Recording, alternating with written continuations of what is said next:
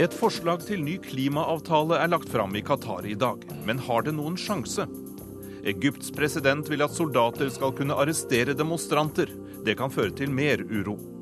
Europas toppledere er på vei mot Oslo, men protestene mot årets fredspristildeling fortsetter.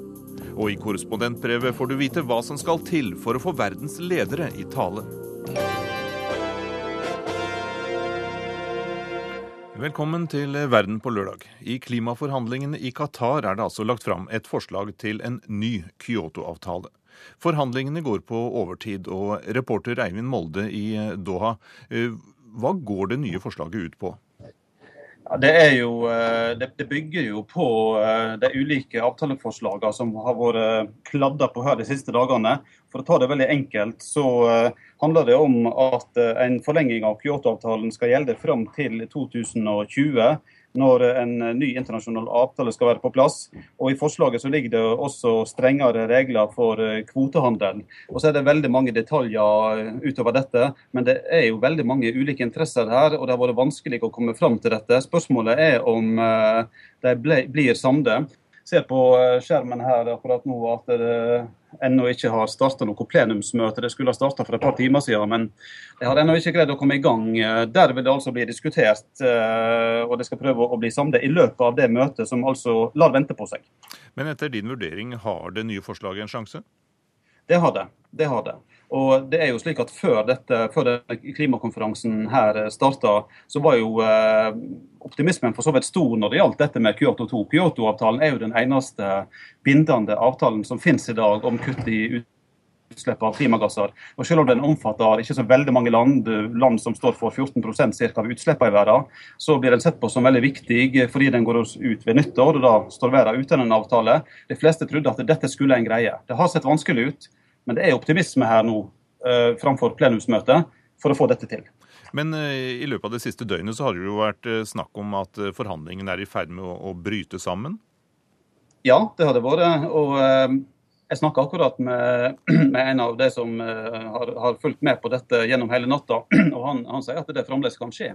Det kan skje at når det nå kommer til plenumssalen, og, og plenum kommer i gang endelig etter lang utsetting, kan det hende at det kommer fram til at dette går ikke, og at det rett og slett må utsette det. Så må de ta det på et eller annet prøve å følge det opp igjen i løpet av det året som kommer, på neste forhandlingsmøte av mindre skala enn dette, som er i bånn. Men alt dette er, er uvisst. Det kan bryte sammen, men vi vet det ikke.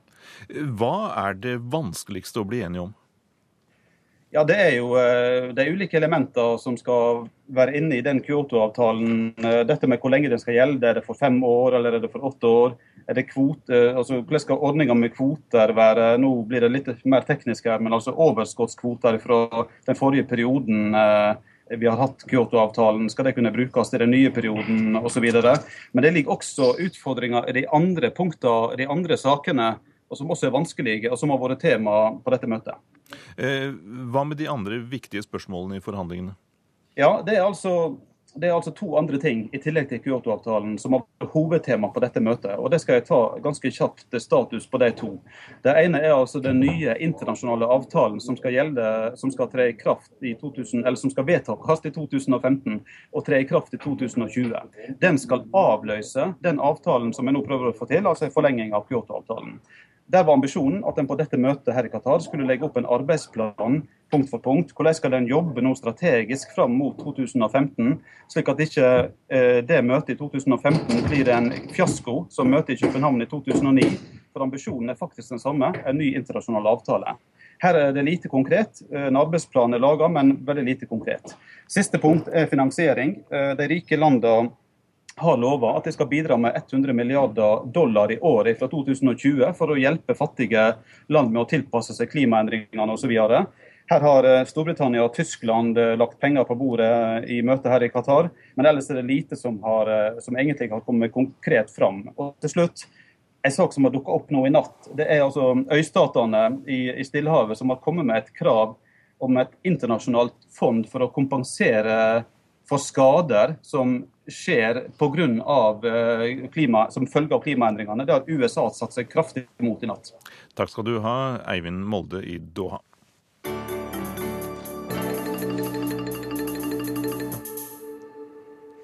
I Egypt er situasjonen svært spent og uoversiktlig etter flere dager med uroligheter og protester mot styret til president Mohammed Morsi.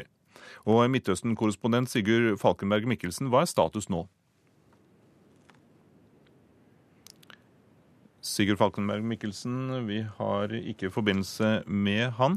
Eh, men eh, uansett, han har laget et tilbakeblikk på det som har skjedd i eh, denne uka i Egypt.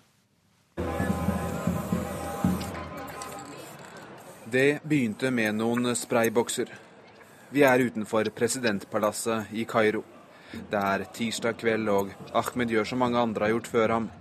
Han sprayer slagord mot president Mohammed Morsi på veggene til presidentpalasset. What, what, what were you writing here on the wall? I writing سترحل قريبا إن شاء الله I mean uh, you will go soon by the God and history will say that. Okay. And and why do you why do you write this? Why late? We need uh, Morsi to go.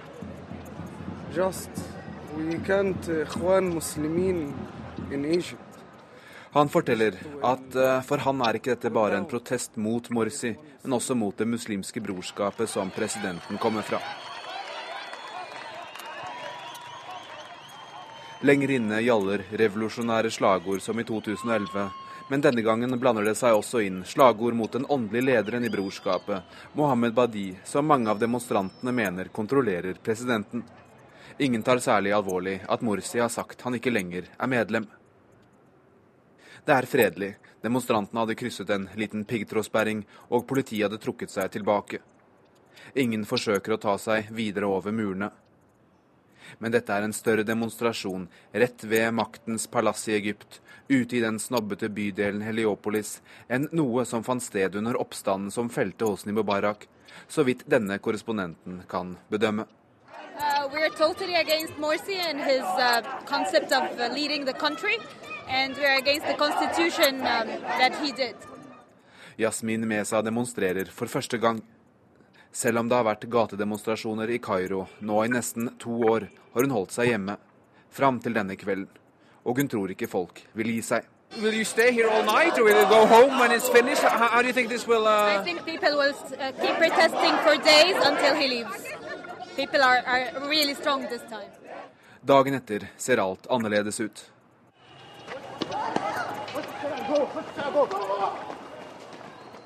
Brannbomber og steiner kastes. Demonstrantene utenfor palasset jages bort av motdemonstranter fra Det muslimske brorskapet og andre islamister. Brorskapsmedlemmer dukker ikke opp på denne måten uten at noen i presidentens bevegelse har bestemt det. I løpet av noen fatale timer er illusjonene om at Morsi er hele Egypts president, tapt. De som slåss side om side på Tahrir-plassen mot regimet til Hosni Mubarak, gyver løs på hverandre. Det er ikke første gang det skjer, men aldri så alvorlig, aldri i en slik politisk kontekst. Like him, him, him, him. Take, take a gun, have a gun. You know, gun, gun.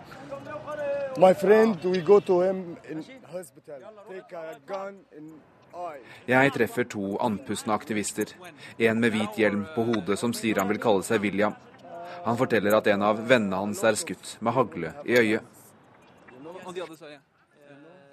Vi får ikke tid til å snakke lenge. Senere skal Morsis motstandere ta tilbake noe av den tapte grunnen. Men da vi er der, drives de bakover mens kampene raser, forvirret og brutalt. Noen ganger over etablerte frontlinjer på avenyen, andre ganger i mørke bakgater, og nåde dem som blir dratt over i motstandernes leir. Da kvelden er omme, skal minst seks mennesker være drept. Uh, my friend uh, is. Uh... Take take okay? Take care about yourself. Og nå sier eh, Egypts president Mohammed Morsi at eh, soldater bør kunne arrestere demonstranter. Og eh, Sigurd Falkenberg Mikkelsen, hva kan det føre til? Det er jo nok et skritt i autoritær retning fra Morsis side. Nå er ikke demonstrantene som er ute i gatene uvant med å bli arrestert av militæret. Militæret har plukket opp en 10 000-15 000 av dem det siste året. Men alt dette skulle jo forandres da militærrådet tredde til side og en demokratisk valgt president president eh, ble innsatt. Eh, men nå får vi se hvordan hæren eh, har tenkt å følge og oppfylle det, det Morsi nå går ut med. Det er ingen detaljer som er klare her ennå. Og forholdet mellom Morsi og hæren er det heller ingen som har helt oversikt over. Og hæren har i hvert fall ikke gjort begrepet til vold utenfor presidentpalasset så langt. Presidenten sier at han vil forhandle med opposisjonen, men det tilbudet blir ikke tatt godt imot. Nei, det blir ikke det. Eh, fordi eh, opposisjonen oppfatter ikke Morsi som dialog dialogvillig eller forhandlingsvillig. De oppfatter dette som et formelt tilbud. Og Det har også vært en pressekonferanse nylig som forsterker det bildet, der den åndelige lederen i Det muslimske brorskapet, Mohammed Badi, har holdt en pressekonferanse og igjen sagt at det er kriminelle elementer som, er, som står bak protestene, eh, og at de tilbyr dialog, men blir ikke hørt. De påstår også at eh, det er utenlandske krefter som står bak, og eh, har en konspirasjonsteori rundt dette. I tillegg så hevder de at det kun er medlemmer fra det muslimske brorskapet som er drept utenfor presidentpalasset. Noe som i beste fall virker som en usannhet. For det er også i hvert fall én kristen kopter som er drept der. Men eh, hva er det egentlig presidenten og det muslimske brorskapet vil videre nå? Det virker på meg som de eh, har gått ned i skyttergravene. Prøver eh, å opprettholde denne folkeavstemningen som er annonsert. Den skal avholdes lørdag. Men underveis nå så virker det som om de taper terreng både internasjonalt, men også her i Egypt. Hvor mye er jeg ikke sikker på. Det er det springende punktet her. Eh, de har en, eh, fortsatt en sterk organisasjon, eh, men de er også en mulighet at de overvurderer den støtten de har i folket. og Det er nok en oppfatning internt i brorskapet om at de er totalt dominerende, og derav den måten de reagerer på. Og Det gjør at situasjonen er meget spent. og På den andre siden skal det også sies, det er ikke mye gehør å få for brorskapets argumenter utenfor presidentpalasset akkurat nå. Takk skal du ha, Sigurd Falkenberg Mikkelsen fra Kairo.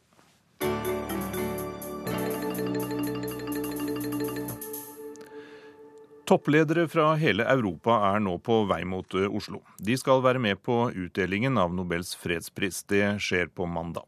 Men det er stor motstand mot at EU skal få prisen i år, og protestene de fortsetter å komme inn. Now, the EU doesn't deserve its Nobel Peace Prize. That is according to several former winners who are demanding the bloc is stripped of the award. RT Sarah Firth explains. The uh, 27 nation blocs uh, getting this award contradicts the values associated uh, with the prize. So what they want to see Selv i de aller siste dagene før overrekkelsen er det bråk. Både i media og på gatene. Demonstrasjoner både for og imot tildelingen er planlagt. Mye kritikk har kommet i det siste mot leder i Nobelkomiteen, Torbjørn Jagland. At han har drevet nobelprisen i feil retning. Kritikken begynte kun få sekunder etter at han åpnet døren i Nobelinstituttet for to måneder siden. The Norwegian Nobel Committee has decided that the Nobel Peace Prize for 2012 is to be awarded to the European Union.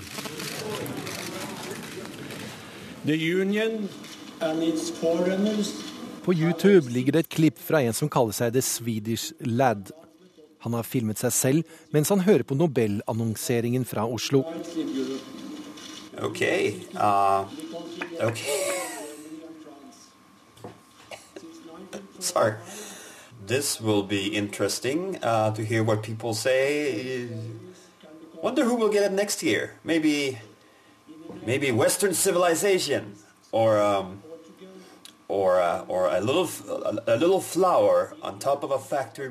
Andre kommentatorer fikk også vann på mølla da de hørte Jagland tale. It's, it's, farcical. it's farcical. I mean, they could have given this Nobel Prize to Bill Clinton's left testicle, and, and it would have been more legitimate than, than giving it to a Vi hører Max Keiser fra The Keiser Report. I Brussel var det aktivitet i presserommet rett etter annonseringen fra Nobelinstituttet.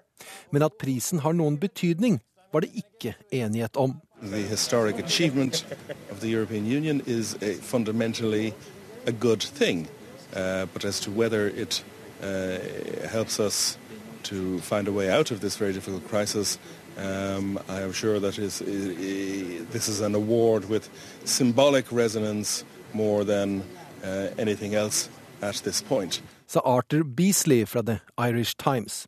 My reading of uh, the decision of uh, the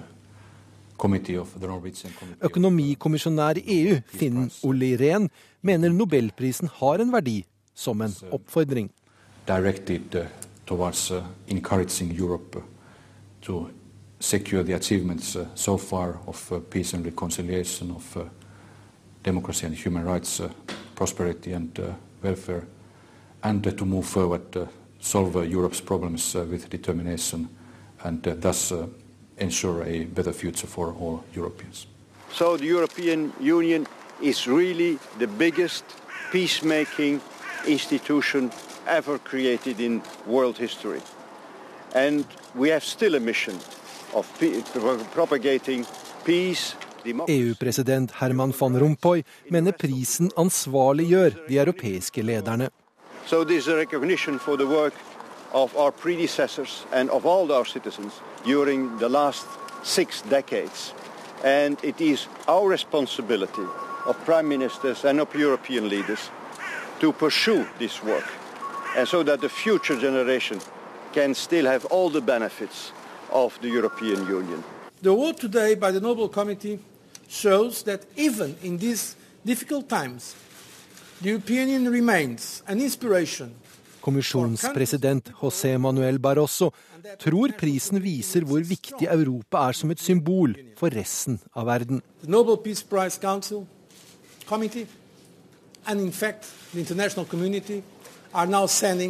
A very important message to Europe that the European Union is something very precious, that we should cherish it for the good of Europeans and indeed for the good of all the world.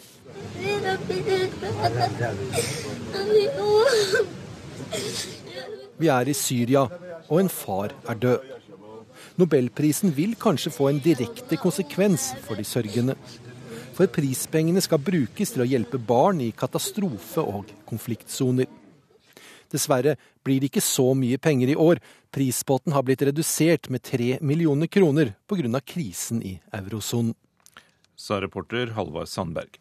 I Storbritannia er svært mange kritiske til eh, unionen og deler av det den står for. Fremtredende politikere i det største regjeringspartiet omtaler EU som udemokratisk og moralsk gal. Nå fremmes det krav om folkeavstemning for eller mot videre medlemskap.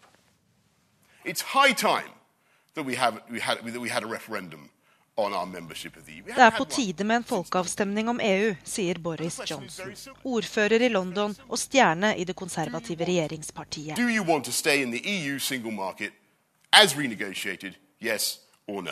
Det er enkelt, mener han, ja eller nei til en reforhandlet avtale med EU. Uttalelsene legger ytterligere press på en statsminister som fra før sliter med hodepine over europapolitikken. E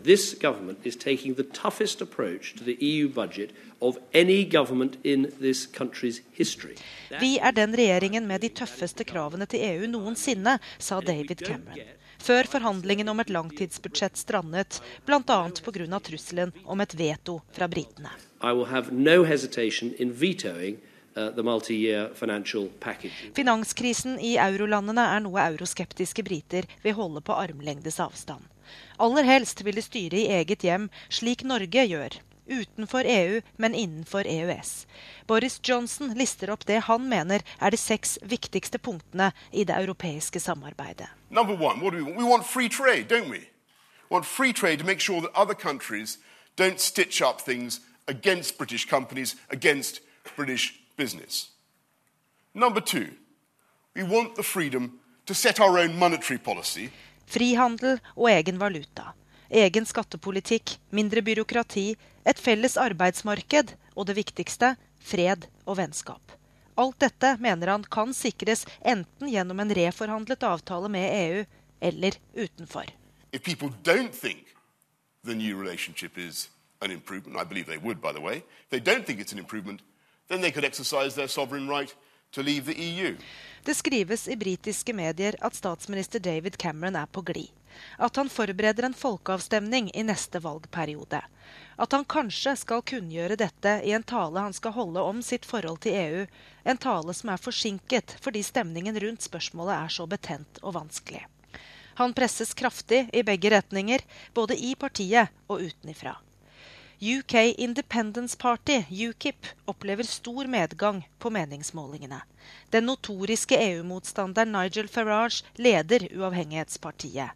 Han er svært kritisk til den norske Nobelkomiteens tildeling av fredsprisen til en organisasjon han mener fremmer krig, ikke fred. The European Union has prevented any wars, but I do think that the European Union, by taking away nation state democracy, is very likely to cause a whole series of mini civil wars. Cameron skal tilfredsstille EU-motstanderne, som det er mange av i eget parti, men også regjeringspartneren Liberaldemokratene, som støtter det europeiske prosjektet fullt og helt. En måte å komme rundt problemet på er å ikke vise seg under fredsprisutdelingen i Oslo. Cameron sender visestatsminister og liberaldemokrat Nick Clegg for å representere Storbritannia, der de andre EU-landene stiller med toppene, når EU får fredsprisen på mandag. En organisasjon Storbritannias største politiske kjendis kaller udemokratisk, intellektuelt og moralsk gal. I don't understand why we continually urge the Eurozone countries to go forward with this fiscal and political union when we know in our hearts that it's anti democratic and therefore intellectually and probably morally wrong. Sterke karakteristikker fra EU-borger og London-ordfører Boris Johnson. Innslaget var ved vår korrespondent Gry Blekastad Almås i London. Og europakorrespondent Hege Moe Eriksen, får det noen betydning at det er en svært omstridt pris i år? Det får ikke noe annen betydning enn at debatten eh, går varmt eh, her i Europa, og det har det gjort helt siden EU fikk prisen. Vanlige folk som jeg snakker med på gata her i Brussel f.eks., er eh, svært delt i spørsmålet. Noen synes det er flott at EU fikk fredsprisen, og at det var en velfortjent pris. At EU har skapt fred på det europeiske kontinentet. Andre synes at timingen er ganske uheldig ved at man gir prisen til unionen nå som EU står midt midt i en av sine verste kriser, og hvor eh, gatene i Europa er alt annet enn fredelige. Eh, vil tildelingen få noe å si for det arbeidet som pågår med å få EU ut av den økonomiske krisen? Nei, Det vil ikke få noen praktisk betydning, men mange trekker jo frem at det kan ha en symbolsk betydning. Jeg snakket i går med EUs eh, tidligere EU-kommisjonpresident Jacques Delors. Han er en av EUs mest ruvende figurer, og han sa at EU trengte denne prisen. Og han sa at spesielt de unge i EU trenger denne prisen. Ifølge Delors så kan man nå gå ut med fornyet tyngde på skoler og universiteter og fortelle om fredsprosjektet som EU har vært, og han mente at det vil fremme forståelsen eh, blant unge for hva EU har betydd for å skape fred i Europa. Og det er det sikkert mange her i Europa som er enig med han i. Eh, hvor stor oppmerksomhet vil seremonien, eh, det som pågår i Oslo, få rundt omkring i Europa, tror du?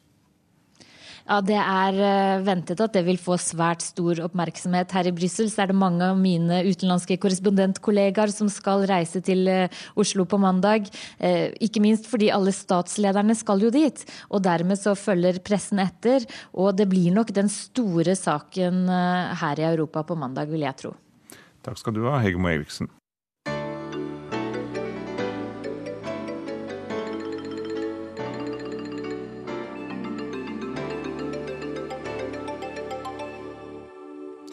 I Russland frykter veimyndighetene fullt kaos på hovedveiene i landet i vinter.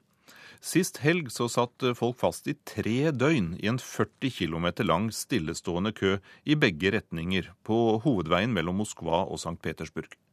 Trailere med blanke sommerdekk er hovedproblemet, og nå blir det lovpåbud om å skifte til vinterdekk i tide etter marerittet ved byen Tver. В Тверской области на трассе М10, где скопилось огромное количество машин, уже удалось расчистить одну På M10, der et enormt antall kjøretøyer har hopet seg opp nå, har det lykkes å åpne ett kjørefelt i retning av Moskva, sa denne nyhetsoppleseren. For trafikknyheter er toppnyheter i Russland etter at hovedveien mellom Moskva og St. Petersburg brøt fullstendig sammen pga. nysnø sist helg.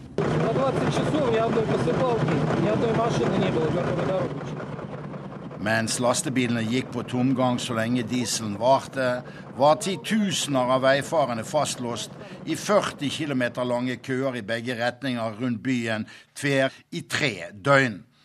Snøfallet var ikke verre enn Vinter-Russland må tåle, skjønt en tredjedel av en måneds snø kom på én helg. Men det er ingen nyhet at kong Vinter rår i Russland nå. Veiene er gode, men selv topp moderne vogntog sklir rundt på blankslitte sommerdekk og blokkerer trafikken fullstendig. Da mister vanlige personbilsjåfører helt dømmekraften, sier denne representanten for trafikkpolitiet. Невыдержанные водители выезжают на проезжую часть вот этой одной полосы, которая обеспечивает проход транспорта со стороны Санкт-Петербурга. Sjåfører som ikke holder ut, kjører over i møtende kjørefelt for å komme forbi, og blokkerer dermed det ene kjørefeltet som er reservert trafikken fra St. Petersburg mot Moskva, advarte trafikkpolitiets representant. Nå blir det lovpåbud for sjåfører å sko seg til vinterføre i tide. Tar ikke russiske lastebilsjåfører skjeen i en annen hånd nå, frykter veimyndighetene fullt sammenbrudd på veinettet gjennom vinteren, og den russiske værvarslingen sier det blir mye snø i Russland i vinter. Sist helg spadde man riksveien med spader fordi snøryddingsmateriell ikke kom frem heller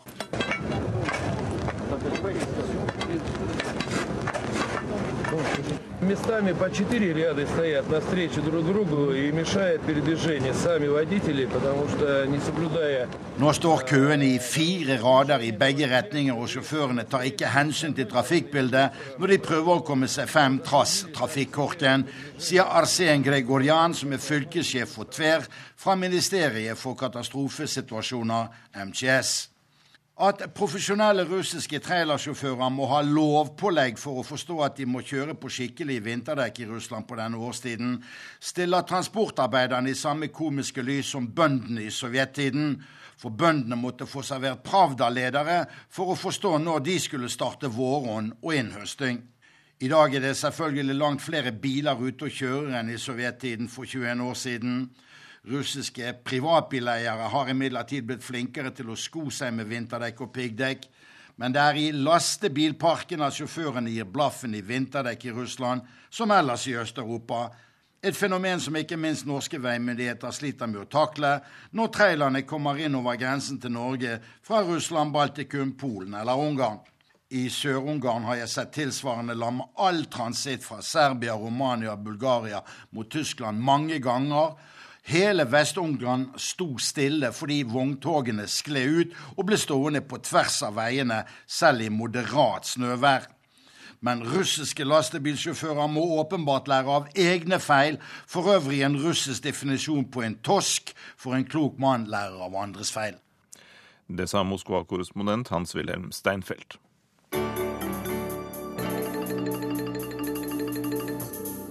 Klokka nærmer seg 11.32, og videre i verden på lørdag får du høre mer om det dramatiske bakteppet for morgendagens valg i Romania.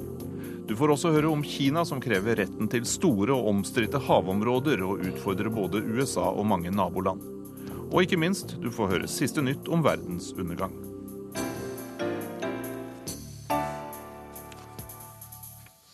Selv for et herdet publikum har det vært en dramatisk opptakt til valget i Romania i morgen, med selvmordsforsøk, folkeavstemning for å avsette presidenten og et bittert oppgjør i nasjonalforsamlingen. Ambulansedøra smeller igjen. En tidligere statsminister må kjøres på sykehus med skuddskader. Minutter tidligere hadde politiet banka på døra. Sosialdemokraten Adrian Nastase var dømt til fengsel for måten han skaffa seg penger på til presidentvalgkampen i 2004.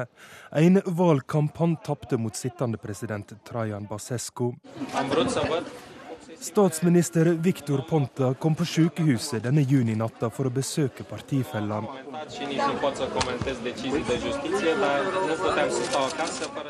Jeg kan ikke kommentere på domstolene, sa Ponta til pressen. Men jeg kunne ikke bare sitte hjemme uten å vite hvordan det gikk med han. Skaden til Nastase viste seg å være mindre alvorlig.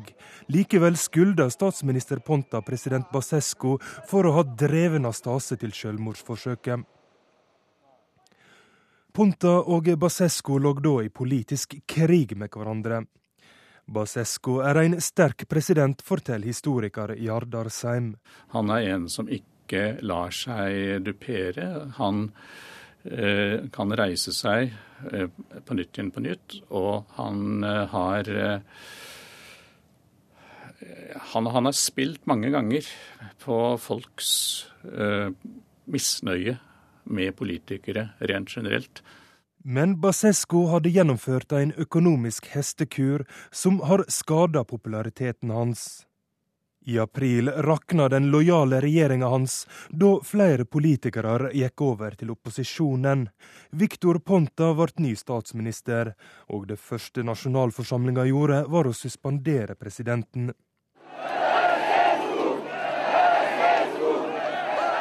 Både Basescu og Ponta reiste rundt og drev kampanje i forkant av ei folkeavstemning for og mot å avsette presidenten.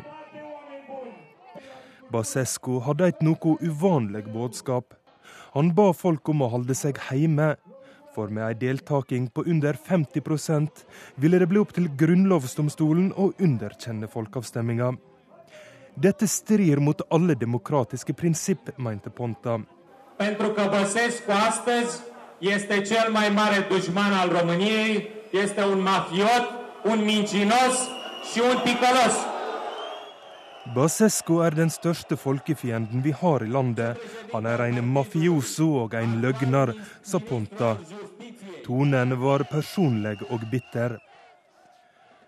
Samtidig begynner den sosialliberale unionen til Ponta å misbruke flertallet sitt i nasjonalforsamlinga. På én dag trumfa den gjennom 40 hastevedtak. Basesco-lojale ombudsmenn og kringkastingssjefer fikk sparken. Dette fikk alarmen til å gå hjå EUs vaktbikkje, justiskommissær Vivian Redding. In Romania, laws and emergency decrees were passed against constitutional practice with the aim to reduce democratic checks and balances, notably by imposing sudden limits to the powers of the constitutional court. I Romania overlevde Basescu folkeavstemminga. Han vant ikke, men grunnlovsdomstolen vedtok at deltakinga var under 50% og forkasta resultatet.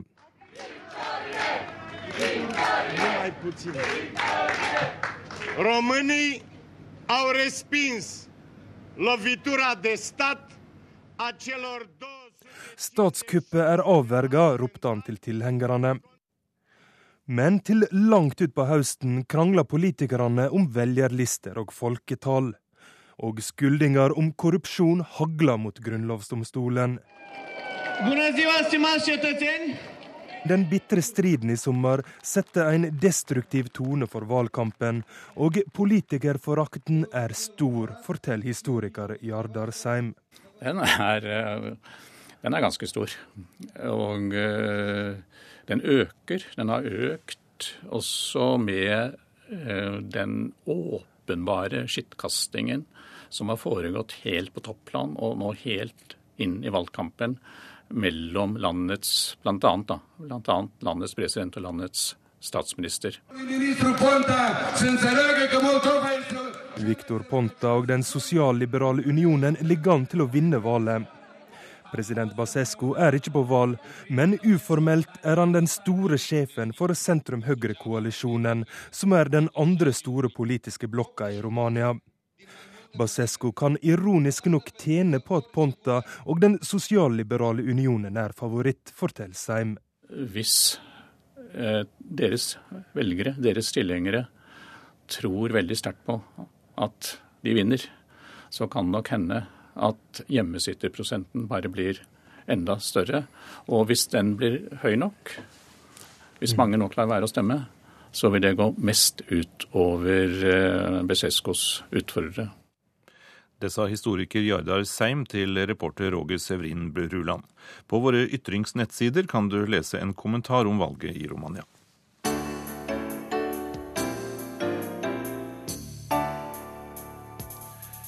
Kina bygger opp sine militære styrker også til sjøs, og krever retten til store og omstridte havområder. Flere andre kystland i regionen opplever Kinas krav som et forsøk på å vinne kontroll over både naturressurser og strategisk viktige ferdselsårer. Reporter Philip Lote har laget denne reportasjen om makt og diplomati i Sør-Kina-havet.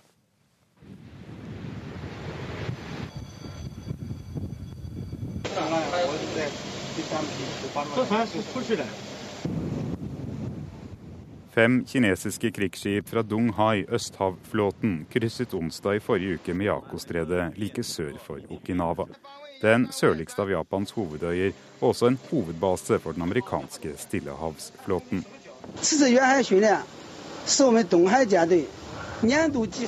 Denne øvelsen er forhåndsplanlagt for østhavsflåten dette året. Målet med øvelsen er å styrke vår evne til å krige til havs over tid og store avstander, sier Chiu Yampeng, nestkommanderende for Kinas østhavflåte. Under sin kommando på denne øvelsen gjennom Miyako-stredet har Chiu Yampeng to fregatter, to destroyere og et supply-skip. Ruten gjennom Miyako-stredet er en av de som Kina kan bruke for å sende flere skip og forsterke sin marine i Sør-Kina-havet.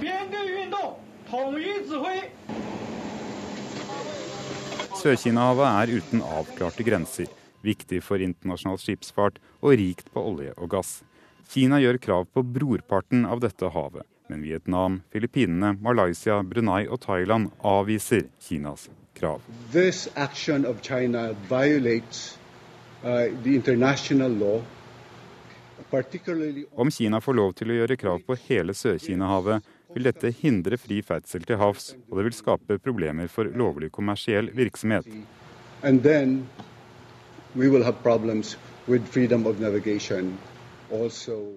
Det er i strid med internasjonal lov som gir kyststater rett til havområder. Det vil også være en trussel mot alle land som bruker disse havområdene, sa talsmann for filippinsk UD Raúl Hernandez denne uken. Bakgrunnen for uttalelsen er en kunngjøring om at politimyndighetene på den kinesiske øya og provinsen Hainan ifra 1.1 vil kunne bore skip som ulovlig tar seg inn i det Kina definerer som kinesisk territorialfarvann. Tidligere denne uken varslet Vietnam at de vil trappe opp patruljeringen av sine havområder etter at de anklaget kinesiske fiskefartøy for å ha kuttet en seismikkledning i en blokk tildelt av Vietnam til russiske Gazprom.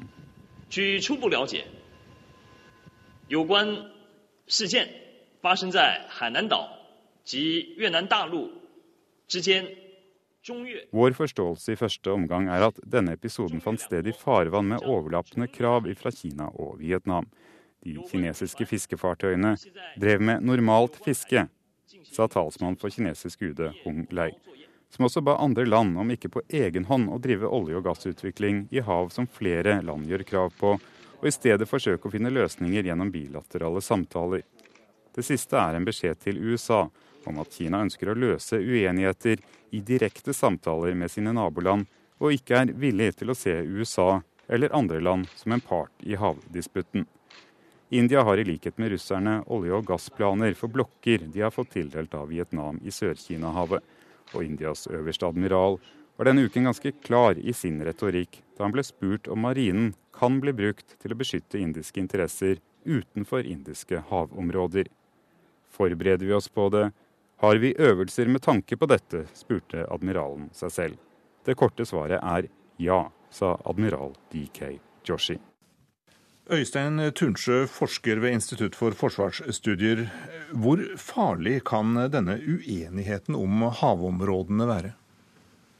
Nei, Den eh, tilspissede situasjonen vi ser i dag, eh, er veldig farlig. Eh, Jeg vil hevde at rivaliseringen i Øst-Asia i dag er på sitt høyeste nivå siden slutten på den kalde krigen. Men samtidig, i de konfliktene vi har sett over øygruppene i Øst-Kina-havet og i Sør-Kina-havet, så har man på en måte hatt god kontroll på situasjonen. Dette fordi det er kystvaktskip som, som, opererer i de omstridte farvannene, og ikke marineskipene til Kina og, og, og Japan spesielt. Det gjør at det er lettere å kontrollere en eventuell opptrapping av konfliktsituasjonen. Ja, hva er det som kan komme til å skje? Nei, det er klart Hvis vi plutselig begynner å se flere eh, marineskip, altså fregatter, destroyere, cruisere, som patruljerer disse farvannene, så kan man jo plutselig få en ivrig matros som avfyrer et varselskudd, og så, og så er eh, en veldig alvorlig situasjon eh, i gang. Hvorfor legger Kina så stor vekt på, på disse havområdene akkurat nå? Jeg tror eh, For å forstå det, så må vi se på den innenrikspolitiske utviklingen i Kina. Eh, vi har et eh, relativt svakt lederskap i Kina. Vi har en voksende nasjonalisme. Mm, Kina står overfor enorme interne utfordringer, være seg økonomisk modell, korrupsjon, miljø osv. Jeg tror at kinesiske myndigheter har enten vært nødt til å gi etter for press fra nasjonalismen og opinionen i Kina, eller at de har spilt på nasjonalistiske strømninger i Kina for å vekke oppmerksomheten bort fra innenrikspolitiske utfordringer. Går det an å si noe fornuftig om hvem som har rett når det gjelder denne konflikten til havs? Nei, det, det, er svært vanskelig. Det er eh, mange overlappende krav, eh, særlig da i Sør-Kina-havet. Når det gjelder Øst-Kina-havet, så, så, er det kanskje enklere å komme fram til en løsning. Men i Sør-Kina-havet så har eh, en rekke land, som vi hørte i innslaget her, eh, gjort krav på store havområder. Eh, og, og, det er historisk belegg for kravene. Det er, kravene er innenfor Havrettskommisjonen osv. Og, og, og kineserne, som vi også hørte, ønsker en bilateral forhandling over disse omstridte farvannene. Eh, det ønsker jo selvfølgelig ikke Filippinene og Vietnam, som er en mye svakere part i slike bilaterale forhandlinger. USA forsøker å spille en rolle her. Amerikanske myndigheter sier at det er Asia som militært sett er det viktigste området i årene framover, ikke f.eks. Europa. Eh, kan dette tilspisse konflikten? Ja, absolutt. Uh, igjen så vil jeg hevde at uh, forholdet mellom USA og Kina er, uh, er på et bunnivå. vi må kanskje tilbake til årene før Nixon og Kissinger spilte sitt Kina-kort tidlig på 1970-tallet for å finne et mer tilspisset situasjon. Hovedgrunnen til dette er at amerikanerne for fullt har rebalansert, som de, de kaller det, mot Asia. Og her var det å forvente at de ville støtte opp om sine maritime allierte, Japan, Filippinene osv. Men det amerikanerne har gjort i tillegg, som er et brudd med politikken til tidligere administrasjoner, det er å involvere seg i Indokina, særlig med Vietnam. Militærøvelser i sammen. De har også et samarbeid med Kambodsja. De har eh, trappet opp det militære samarbeidet med Sør-Korea, som er en reversering av Bush-administrasjonens eh, politikk. I tillegg har amerikanerne tatt stilling til disse territorialkonfliktene, som også er et brudd med tidligere administrasjoners politikk. Sånn at istedenfor å kun fremheve eh, fri ferdsel i Sør-Kina-havet, så tar de nå stilling i, i, disse omstridte spørsmålene, og ønsker da at de ikke skal løses bilateralt, f.eks. Så eh, dette er konflikter vi kommer til å høre mye om i, i årene som kommer? Ja, dessverre så ser det slik ut. Fordi eh, det strukturelle eh, går på en måte mot den trenden som har vært i Øst-Asia-regionen. USA involverer seg i Kinas interessesfære, som er det asiatiske fastlandet. Og kineserne er på full fart ut i amerikanernes interessesfære, som er det maritime domenet. Takk skal du ha, forsker Øystein Tunsjø.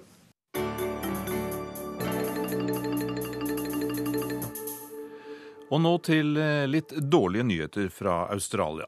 Den australske statsministeren Julia Gillard slår fast at verden vil gå under den 21. desember.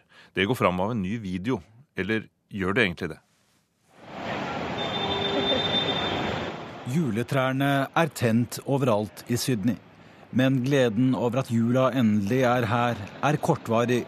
For den australske statsministeren har kommet med en nitrist beskjed. My dear remaining fellow Australians, the end of the world is coming. Kjære australiere. Enden er nær, sier Julia Gillard i en video som er lagt ut på internett. En video som snart er sett av én million mennesker på YouTube. Whether the final blow comes from flesh-eating zombies, demonic hell beasts, or from the total triumph of K-pop. Varselet om verdens undergang vil komme enten fra zombier eller djevelske troll, sier Australias statsminister, som har møtt mye motstand i politikken de siste to årene. It wasn't Y2K. It wasn't even the carbon price. It turns out that the Mayan calendar was true. While Australia's best and brightest at the CSIRO have not been able to confirm this, I'm confident in Triple J's prediction that the world is about to end. Det var ikke millenniumsproblemet ved overgangen til år 2000 som fører til verdens undergang. Heller ikke utslippsskattene som ble innført, sier Gillard. Det viser seg at mayanes kalender, den stemmer, og det kan jeg forsikre dere om, sier Gillard i videoen. Ifølge mayakalenderen vil verden gå under 21.12. i 2012, altså tre dager før julaften. I Australia har nyheten fått enorm interesse, og en avis har fått laget en tredimensjonal tegning av hvordan Sydney vil se ut når dommedag inntreffer. Hele byen har fått enorme skader som følge av at en stor planet rammer jorden og slår svære sprekker i kloden, og juvene går tvers igjennom byen. Folk er naturligvis engstelige, og mange ringer romfartsorganisasjonen NASA og forteller at de verken spiser eller får sove. Noen er suicidale, mens andre hamstrer i panikk, ifølge avisen The Herald Sun. Politikeren, som selv har overlevd mange politiske jordskjelv med sin knappe flertallsregjering, sier at hun skal kjempe for folket sitt til siste slutt. If you know one thing about me, it is this. I will always fight for you to the very end. And at least this means I won't have to do Q&A again. I det minste betyr dette at jeg behøver ikke å være med på TV-debatter lenger, sier statsministeren.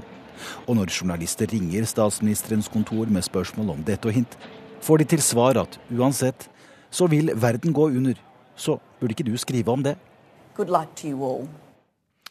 Ja, vi bør vel for ordens skyld legge til at eh, videoen er laget som en reklame til et program om teorier om verdens undergang. Dette programmet skal snart på lufta i Australia. Reporter var eh, Øyvind Nyborg. Det er ikke hver dag våre korrespondenter kommer tett på de sentrale aktørene som skaper verdens nyheter. Vår mann i USA, Jon Gelius, forteller i ukens korrespondentbrev om livet i kulissene av begivenhetene, og om hva som skal til for plutselig å lykkes med å få verdens ledere i tale. Som norsk korrespondent her i USA opplever jeg som oftest å stille bakerst i pressekøen. Ingen gidder å bry seg om en blåkledt NRK-mikrofon. Men noen ganger kan man som korrespondent være ekstra heldig og oppleve storpolitikk og verdensnyheter på særdeles nært hold. Jeg har riktignok sluppet inne for gjerdene til Det hvite hus flere ganger for å høre på president Obama. Jeg sto bare to meter fra verdens mektigste mann i hans ovale kontor da statsminister Jens Stoltenberg fikk audiens. Men noe spørsmål fikk jeg aldri lov til å stille Obama. Hjemme i Norge er vi journalister bortskjemt med lett tilgang til våre politikere og samfunnsaktører. Jeg erkjenner gjerne at overgangen i så måte har vært brutal til en korrespondenttilværelse her i USA. Det handler ofte om flaks dersom hovedpersonene akkurat stanser foran din mikrofon i utlandet. Eller gode hjelpere og døråpnere. På TV vises korte glimt av verdensnyhetene.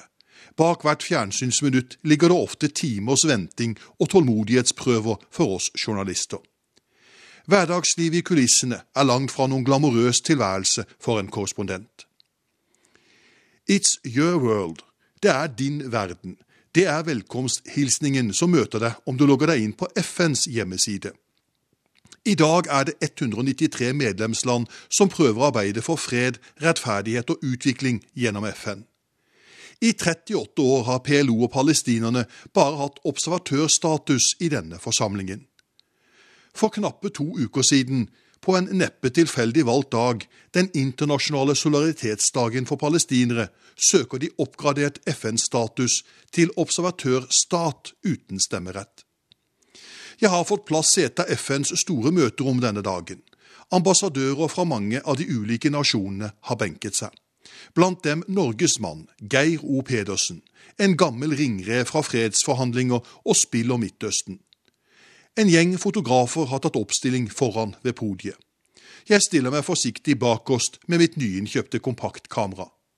En av FNs informasjonsmedarbeidere peker på kameraet mitt og smiler. Du har tatt med deg feriekameraet ditt, ser jeg, smiler han. Før jeg rekker å tenke ut et svar, snur en av de proffe fotografene seg og kommer meg til unnsetning. Det der er et lite, men godt kamera. Det er ikke alltid størrelsen på kameraet eller linsen forteller det alt, sier han og gir meg et nikk så hans enorme telelinse rister et øyeblikk. I samme stund skrider et helt lite følge av sikkerhetsvakter inn i lokalet. Midt blant dem palestinernes president Mahmoud Abbas og statsminister Salam Fayyad. De håndhilser på FNs generalsekretær. Ingen omfavnelser, men kun høflige håndtrykk. Solidaritetsmøtet for palestinerne varer en times tid. President Abbas, omringet av sine sikkerhetsvakter, forlater lokalet først.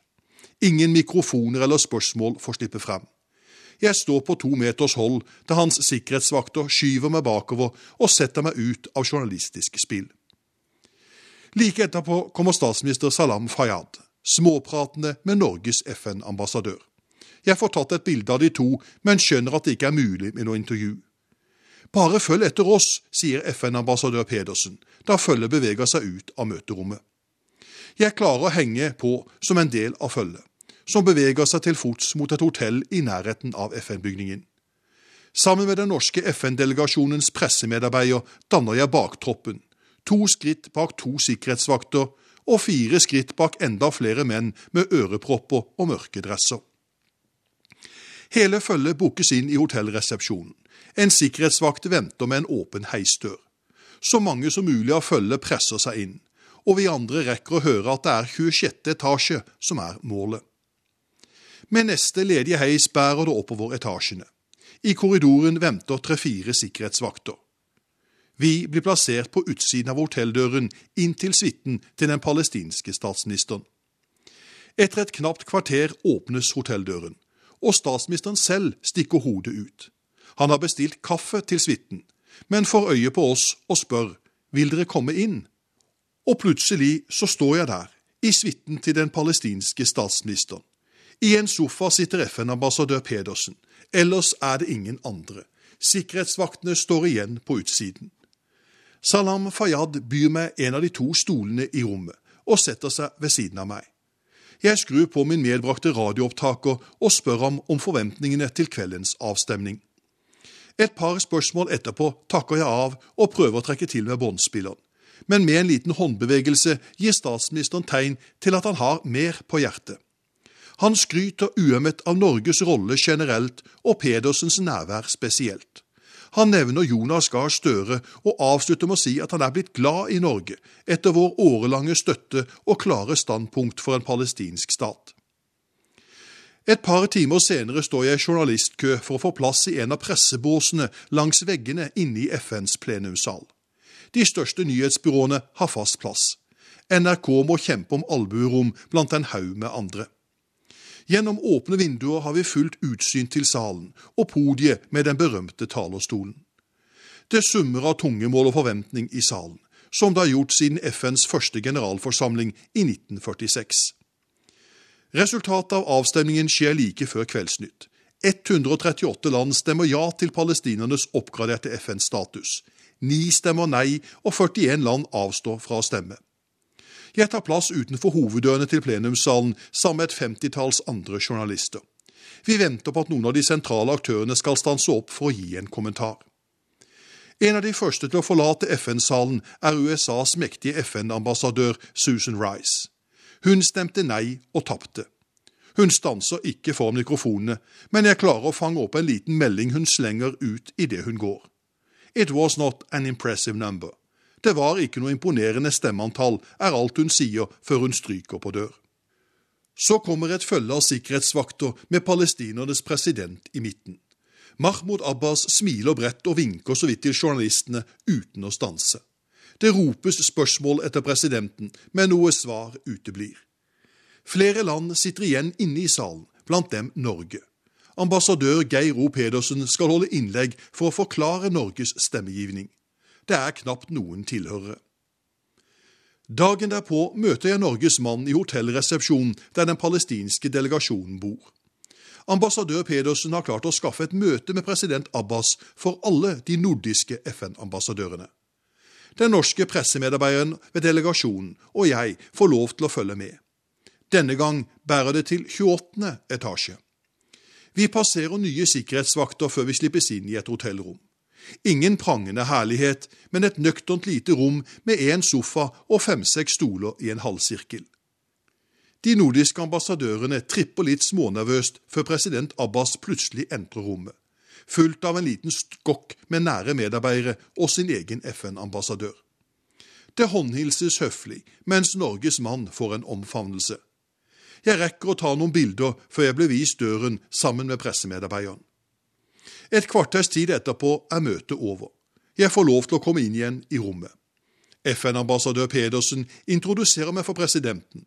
Jeg håndhilser og spør om lov til to korte spørsmål med min radioopptaker. Han smiler og sier ja. Og så står jeg der da, ansikt til ansikt med mannen som i sju år har vært palestinernes president. En president som skaper nyhetsoverskrifter verden over, og som bare et halvt døgn tidligere holdt innlegg i FNs hovedforsamling før den historiske avstemningen. President Abbas erkjenner at de nå må bruke tid på å gjenreise en dialog, både med israelere og amerikanere, for å få til en fredsavtale. Den palestinske presidenten sier han ikke ønsker å provosere eller utfordre noen, men bruke tid på å meisle ut det han kaller en moderat og farbar vei. Mitt aller første intervju med en sittende president er over på 1 minutt og 18 sekunder. Presidenten tar meg i hånden, og jeg takker høflig for meg. Ingen andre journalister er å se. Takket være norsk diplomats årelange nettverksbygging drypper det denne dagen på en norsk korrespondent. Det er ikke hverdagskost med eget intervju på tomannshånd med de mest sentrale aktørene i en verdensnyhet fra FN-bygningen. Jeg tenker på FNs slagord. It's your world. Det er din verden. I et stakket øyeblikk føler jeg det nettopp slik. Korrespondentbrevet var ved Jon Gelius. Og det var Svein Åkre, Susanne Sunde Bakke og Jan Espen Kruse som sørget for at du fikk høre Verden på lørdag i dag. Ha en fortsatt god helg.